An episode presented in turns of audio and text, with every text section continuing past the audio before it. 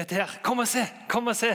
For de har noe som de har utrolig lyst å vise deg, og at du skal ta del i. Det kan være noe som de sjøl eh, ser, noe som de sjøl opplever. Eller så kan det jo være at eh, eh, de sjøl vil vise noe som de får til. Så da er det den der invitasjonen. Kom og se! Kom og se! Eller som ungene mine sier Kom og se. Av de har jo bodd her nå i noen år. Så eh, i dag så var det det her det kom og se fra han, eh, gutt nummer to, han Lukas som er seks år.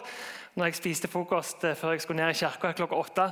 Hvor han da måtte bare ja, kom og se, kom og se. For da hadde han jo eh, lagd en sånn egenkonstruert eh, rusjebane eh, oppe på rommet sitt, som gjorde at det rista ganske godt i, eh, over der jeg sover, eller der vi sover, fra klokka seks i dag morges. Så det var derfor det, Da fant vi ut hvorfor vi trodde at taket holdt på å rase ned eh, over oss. da. Men det handler om dette med igjen, det handler om å invitere inn til et fellesskap. Dele en glede med andre. La andre ta del i det. Kom og se. Fra det som vi skal lese fra Bibelen i dag, fra evangeliet Johannes, fra kapittel 1, vers 35 til 51, så handler det òg om dette med 'kom og se', som vi skal da lese fra evangeliet etter Johannes. Dagen etter sto Johannes der igjen sammen med to av disiplene sine. Da Jesus kom gående, så Johannes på ham og sa, 'Se Guds lam'. De to disiplene hørte hva han sa, og fulgte etter Jesus. Jesus snudde seg og så at de fulgte ham, og han sa, 'Hva leter dere etter?' De svarte, 'Rabbi, hvor bor du?' Rabbi betyr lærer. 'Kom og se', sa Jesus. De gikk da med ham og så hvor han bodde, og de ble hos ham den dagen. Det var omkring den tiende time. Andreas, Simon Peters bror, var en av de to som hadde hørt det Johannes sa, og som hadde fulgt etter Jesus. Han fant nå først sin bror Simon og sa til ham, 'Vi har funnet Messias.' Messias betyr 'den salvede'. Så førte han Simon til Jesus, og Jesus så på ham og sa, 'Du er Simon, sønn av Johannes.' 'Du skal hete Kefas.' Det er det samme som Peter. Dagen etter ville Jesus dra til Galilea. Da fant han Philip og sa til ham, 'Følg meg.' Philip var fra Betzaida, den byen Peter og Andreas var fra. Philip traff Nathanael og sa til ham, 'Vi har funnet ham som Moses har skrevet om i loven, og som også profetene har skrevet om.' 'Det er Jesus fra Nasaret, Josefs sønn.' 'Kan det komme noe godt fra Nasaret?' sa Nathanael. Philip svarte, 'Kom og se.' Jesus så Nathanael komme gående og sa, 'Se, der er en sann israelitt, en som er uten svik.' 'Hvor kjenner du meg fra?' spurte Nathanael. Jesus svarte, 'Jeg så deg før Philip ropte på deg, da du satt under fikentreet.' Da sa Nathanael, 'Rabbi, du er Guds sønn, du er Israels konge.' Tror du fordi jeg sa at jeg så deg under fikentreet, sa Jesus. Du skal få se større ting enn dette. Så sa han, sannelig, sannelig, jeg sier dere, dere skal se himmelen åpnet og Guds engler gå opp og ned over menneskesønnen. Gode Gud, dette var ditt ord til oss i dag. Takk for det ordet som du har gitt oss. La det få vise oss hvem du er, Jesus, og få hjelpe oss til å prege våre liv som vi lever. Amen.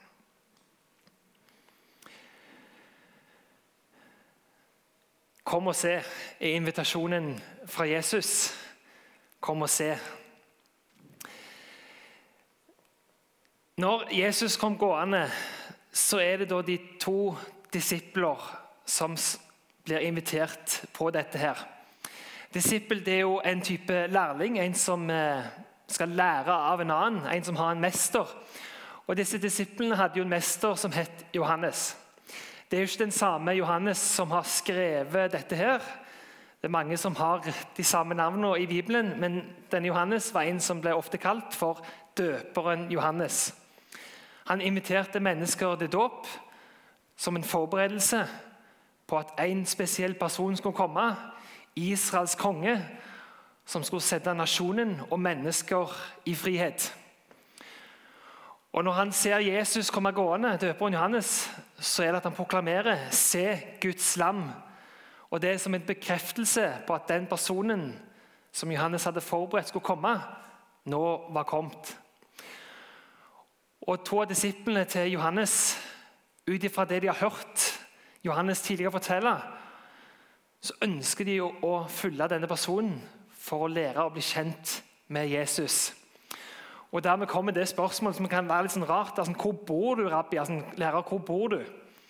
Jeg tror aldri jeg har fått et sånt spørsmål som hvor bor jeg i forhold til at folk vil bli kjent med meg. Men det var det det handla om. Disiplene til Johannes ønska å bli bedre kjent med Jesus. De ønsket å bruke tid med Jesus. Og det er det Jesus også inviterer dem inn i. Kom og se.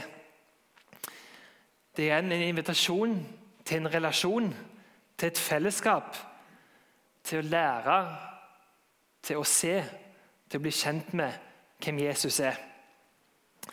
Disse disiplene hadde en tydelig forventning ut ifra det de hadde hørt om Jesus. En forventning om at denne Messias skulle komme, og nå var han kommet. Og de ville ikke gå glipp av denne muligheten. De hadde en forventning ut ifra det Johannes hadde fortalt på forhånd. Men hvordan er det i dag med dagens mennesker? Har folk i dag en forventning til Jesus? Et ønske om å bli kjent med Jesus? Eller er det som i Jesus at det er kanskje en del produkter som vi har i dag, som vi kanskje egentlig ikke trenger så mye av, men som produsenter har skapt et behov for? Er det sånn med Jesus òg, eller er Jesus noe mye mer? En som levde på midten av 300-tallet, som var biskop i kirka da, han heter Augustin, han svar, sa ut ifra sitt eget liv at min sjel er urolig inntil den finner hvile hos deg, min Gud.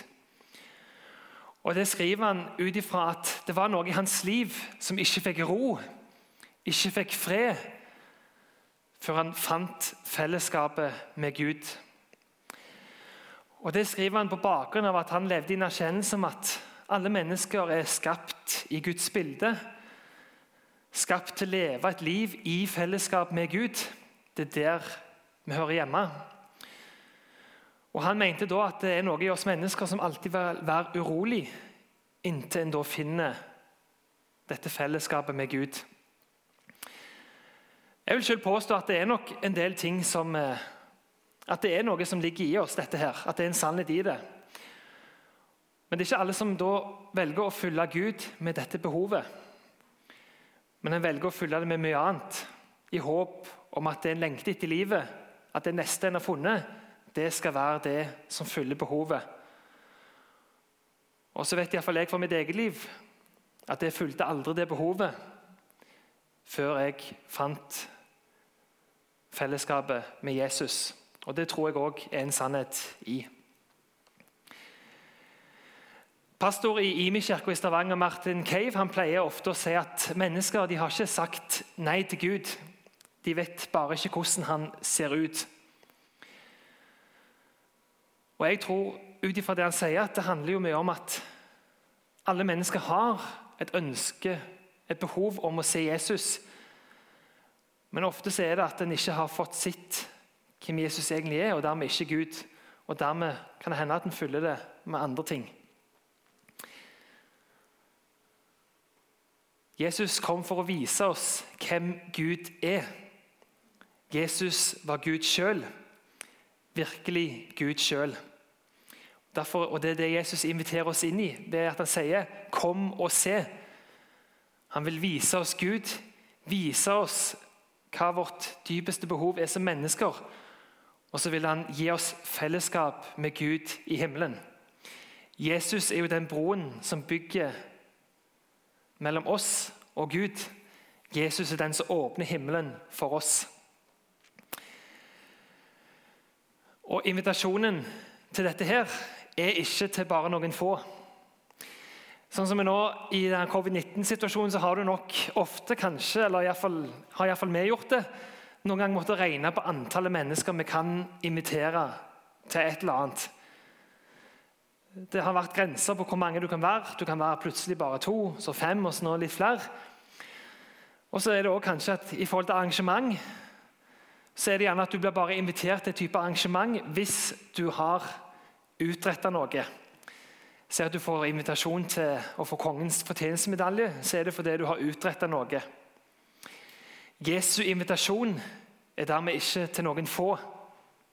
Jesu invitasjon til å komme og se er til alle mennesker. Og Derfor sier Jesus, som Lukas gjengir i sitt evangelium i kapittel 5, vers 31, jeg er ikke kommet for å kalle rettferdige, men syndere til omvendelse. Syndere er et uttrykk for alle mennesker. For det ingen mennesker kan av seg sjøl få fellesskapet og det som Gud vil gi dem.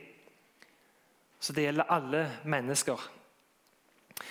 Pastor eh, Rick Warren i Saddleback Church sier at Jesus starter alltid med hvor mennesker er, ikke hvor han ønsker at de skal være. Og Det betyr at når Jesus kommer med invitasjonen om å komme og se, så møter han oss der vi er i livet. Den kan være både fysisk, men også hvordan vi er i forhold til vår tilstand. Jesus sier ikke at først må dere gjøre dette her. Men Jesus sier 'kom og se fra der en er'. Jesus starter med hvor vi er, ikke hvor han ønsker at vi skal være. Tidligere pastor i eh, denne menigheten, Kåre Lunde, sier dette om omvendelse. for det, Når han blir stilt på et spørsmål 'kom og se', så blir du stilt på et valg. Vil du komme, eller vil du bli der du er? Disiplene til Johannes kunne blitt hos Johannes. Men de valgte å forlate han som hadde vært deres mester, for å nå følge sin nye mester. Og Det er jo sånn sett også som er hensikten med alle de som har pekt på Jesus. Ikke å skape egne etterfølgere, men å alltid peke på Jesus og la mennesker gå til han. Kåre Lunde han sier at i boka 'Skritt til tro' at omvendelse betyr jo enkelt å vende om. Og Da blir livets store spørsmål om jeg har ryggen eller ansiktet mot Kristus. Omvendelse handler om å vende livet sitt mot Jesu Kristi sitt ansikt. For det er i det ansiktet du får se hvem Gud er, og får del i dette fellesskapet. Og Da betyr det at du gjerne må vende deg vekk ifra noe. Det betyr alltid du må vende deg vekk fra noe. Du må gi avkall fra noe når en får den invitasjonen om å komme og se. Så er jo oppfordringen og utfordringen til oss Har vi våga å ta dette valget om å vende om? Eller henger vi fortsatt fast i ting fra tilbake som gjør at vi ikke lenger, at vi ikke greier å se Kristi ansikt tydelig? Jesus sier 'kom og se'. Og for det dette med tro det handler ikke om først og fremst informasjon, men det handler om en relasjon. Jesus inviterer til et fellesskap med han, med Gud, for å bli kjent med Gud. Og for at du skal kunne se også hva din hensikt er med livet. Jesus brukte gjennom hele livet sitt tid med mennesker. Han investerte tid med mennesker. For det at det gjennom fellesskap, gjennom relasjoner, at en bygde tro. Gjennom relasjoner så bygger en tro. Så bygde Jesus tro. Det handler om relasjon, det handler om fellesskap, ikke om informasjon. Og Gjennom dette fellesskapet med Jesus så blir vi kjent med vår Far i himmelen. Derfor sier Jesus, og som Johannes gjengir i kapittel 14, vers 6-7 i sitt evangelie. Jeg er veien, sannheten og livet. Ingen kommer til Far uten ved meg. Har dere kjent meg, så skal dere også kjenne min far. Fra nå av kjenner dere ham og har sett ham. Jesus har et utrolig ønske om at vi skal komme og se for å bli kjent med Gud. Gud som tidligere var ukjent, blir kjent gjennom Jesus. Og det inviterer Jesus oss til å komme og se. I forhold til det å være disippel så skriver Mike Breen og Steve Cochram i, i boka 'Å bygge en disippelkultur' at man blir ikke disippel av Jesus og står på stedet hvil. Disippelskap er en livsstil med stadig læring. Det å være en disippel handler om å følge en. Og det handler om å følge en for å lære og bli påvirka av den som en følger. Relasjonen gjør en forandring i livene våre. Mennesker som du har hatt relasjon med, det påvirker oss.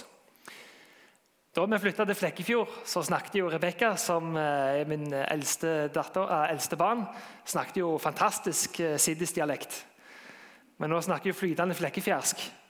Hvorfor det?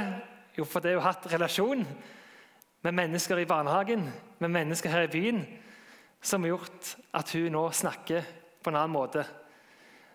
Så de vi har relasjon med, det påvirker oss. Og det ønsker Jesus òg. Han ønsker å påvirke våre liv for at vi i større grad kan bli sånn som Gud har skapt oss til. Gud skapte oss i sitt bilde for å gi oss fellesskap med Han, men òg for at vi skulle reflektere Han med våre liv. Og Derfor skriver en av eh, Jesus sine tolv opprinnelige disipler i sitt eh, brev, andre brev i kapittel 3, vers 18, dere skal vokse i nåden og i kjennskap til vår Herre og Frelser Jesus Kristus. Det å være en disippel av Jesus handler alltid om å bli mer og mer lik han. La han få mer og mer innflytelse på mitt liv. Og Dermed så må han kontinuerlig leve i en omvendelse igjen og igjen for å vende seg igjen og igjen mot Jesus.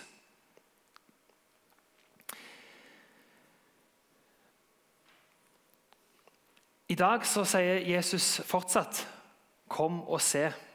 Ikke på samme måte, men han gjør det gjennom kirka. For vi som har tatt imot den invitasjonen, representerer i dag Jesus. Vi har fått Den hellige ånd. Vi har fått en del av Gud sjøl i våre liv for at vi skal kunne få se og erfare Guds kjærlighet. For at det skal binde oss sammen med Gud og med hverandre. Det er Den hellige ånd som utgjør og danner det kristne fellesskapet. Uten Hellige ånd så blir det bare et interessefellesskap. Men med Den hellige ånd så blir vi og utgjør Jesu Kristi kirke på jord. Magnus Malm i boka 'Fri til fulle' han skriver at den levende Gud er ikke identisk med Kirken. Gud er naturligvis mye større enn som så, men han har identifisert seg med Kirken som et kroppslig tegn på sitt nærvær midt i menneskers kultur. Og Det gir oss som kirke et ansvar for det er nå vi som er kalt til å invitere mennesker inn til å komme og se. Vi som kirke. Peter skriver i sitt første brev i kapittel 2, vers 9 at men dere er en utvalgt slekt, et kongelig presteskap, et hellig folk, et folk som Gud har vunnet, for at dere skal forkynne Hans storverk. Han som kalte dere fra mørket og inn i sitt underfulle lys. Fra slutten av den bibelteksten vi opprinnelig leste, så hørte vi etter hvert om Philip som får spørsmål om å følge Jesus, og som svarer ja til det. Og Det som Philip opplever, det er tydelig at det er så betydningsfullt, så viktig, at når han senere møter Natanael, så er Jesus kom og se invitasjon noe som Philip sjøl stiller Nathanael til. Hvor Philip sier til Nathanael, 'Kom og se'. For det er noe i det fellesskapet som Jesus ga Philip, som var så bra, det var så flott, at det måtte han bare dele videre med andre. Hvordan er det med oss? Kjenner vi på en sånn stor glede at vi bare må dele det med andre? Jeg vil gi dere et spørsmål. Dere skal få rekke opp hånden om dette. her. Hvor mange her inne har kommet til tro på egen hånd gjennom å oppsøke ei kirke? Hvor mange her inne har kommet til tro på egen hånd gjennom å oppsøke ei kirke? Er det noen som har et hvis dere, hvis dere tenker det treffer dere, så kan dere rekke opp hånda. Hvis ikke, så kan dere la det være. Så kommer neste spørsmål. Hvor mange her inne har kommet til tro fordi en venn eller en i familien har hjulpet dere til tro? Opp med hånda. Fleste, ja. Gjennom relasjoner er det en bygger tro. Men dette her stiller oss på en utfordring når dere rekker opp hånda og gir tydelig uttrykk for at det er gjennom andre mennesker, venn, familie, som har hjulpet dere til tro. Vi tror ofte at folk vil bare komme inn i kirka her. Men jeg tror for folk flest så vil det å bare dukke opp i kirka, det å komme sånn utenfra inn her, det vil oppleves ganske utfordrende. En kanadisk kirkeleder sier at Karen Neuf, han sier at i framtida vil den eneste måten at ikke, folk som ikke går i kirka, dukker opp i kirka. Det vil være hvis det er gjennom en personlig invitasjon. Annonser om han er helsides, tosides eller hva det måtte være. Det vil ikke gjøre resultat i forhold til å invitere folk inn til å komme og se. Jeg og du, som er selv blitt grepet av Jesus, er den som har ansvar, og det er den som må ta og spørre folk og invitere med. Kom og se på det som Jesus vil vise. Men i det så er det en ransaking. Magnus Malm skriver også i boka 'Fri til å følge' at jeg kan ikke lede mennesker til å følge Jesus av hjertens lyst dersom denne lysten mangler i min egen tjeneste.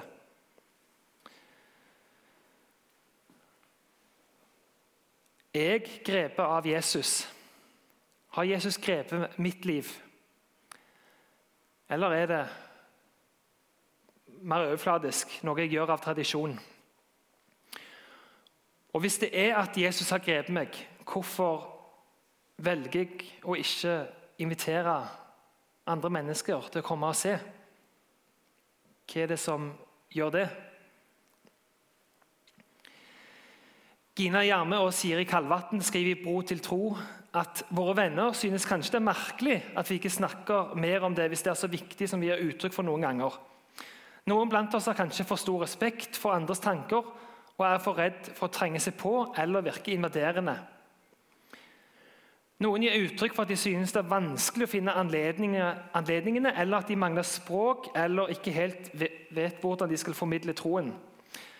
Da tenker vi kanskje for stort eller for vanskelig om hva vi skal formidle. Mens teoretiske utregninger og diskusjoner kan sette viktige saker på agendaen, så er det ofte våre personlige fortellinger som treffer hjertene. De personlige fortellingene. Utfordring nummer én hvorfor deler vi ikke? Og utfordring nummer to hva er det vi skal dele? Har du selv blitt stilt spørsmålet ja, hvorfor er du en kristen? Hvorfor har du valgt å følge Jesus? Kanskje kan det være et spørsmål som kommer liksom brått på for noen. Så En anbefaling i dette her er at gjør gjerne og reflekter rundt ja, hvorfor er det jeg følger Jesus. Hva er det Jesus betyr for deg? Ta gjerne og Skriv ned, altså, skriv ned en sånn kort eh, eller lang troshistorie for at du skal selv kunne reflektert over ja, hva er det som gjør at jeg har valgt å følge Jesus. Og Kanskje i det også, kan du finne ut om det er noe som jeg må vende meg vekk ifra, som hindrer meg i virkelig å følge Jesus.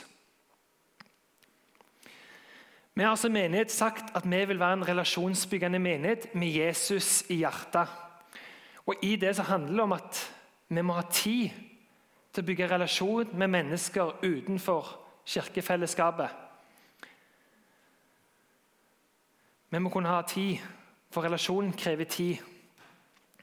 Og som vi har tatt håndsopprekning på, så er det jo gjennom relasjon at mennesker kommer til tro. De aller fleste. Øystein Gjerme, han som er pastor i Salt Bergenskirke, han skriver om sin visjon for den kirka som han leder. Menighet er relasjoner, og relasjoner bygges i hverdagen. Fordi vi vil leve og dele troen der livet leves, toner vi ned programmer og toner opp fellesskapet. Menigheten er relasjoner, og vi legger derfor til rette for at folk hos oss skal ha tid til å være sammen med andre. Har vi som fellesskap tid til andre, eller er vi for opptatt av oss sjøl, av eget program, av at det som vi holder på med, at det skal kjøres? Og Mye av uka går dermed til komitémøter, til planlegging og til gjennomføring av, en, av aktiviteter som bare når våre egne. Covid-19 gir oss som kirke en unik mulighet til igjen tenke gjennom hvor fokuset vårt skal være som menighet. Skal vårt hovedfokus være på det som tar veldig mye tid og energi, men som uansett bare samler de som allerede har hørt, de som godt kjenner det? Eller skal vi snu om og vende mer blikket utover? Dietrich Bonhoffer, som eh, var en prest som ble henrettet under andre verdenskrig, han sier at menighet er menighet bare når dens eksistens er for andre. Jesus kom ene alene for andre. Han kom for oss, for å gi oss del i et evig liv for å gi oss frihet, for å gi oss tilgivelse, for at vi gjennom Jesus kunne få del i Guds nåde. Og han kalte òg disipler for at de sjøl skulle være for andre. Hvordan kan vi være kirke for andre når vi går framover? Kan vi i større grad ha fokuset vårt på de utsida? enn på egne aktiviteter når vi går framover. Det er min drøm. Gode Gud, takk for at du, Jesus, kom til vår jord. Takk for at du er midt iblant oss ved Den hellige ånd. Takk for at du har et brennende hjerte for alle mennesker. Takk for at du elsker hvert menneske like høyt og kaller alle mennesker til å komme og se deg og ta del i det livet som du vil gi hvert menneske. Vi ber deg om din veiledning og ledelse ved Den hellige ånd for oss som etterfølgere, for oss som disipler, for oss som kirke. Til å gå der som du kaller oss, til å dele det livet du har delt med oss, for at flere mennesker skal bli kjent og komme og se deg, Jesus. I Jesu Kristi navn. Amen.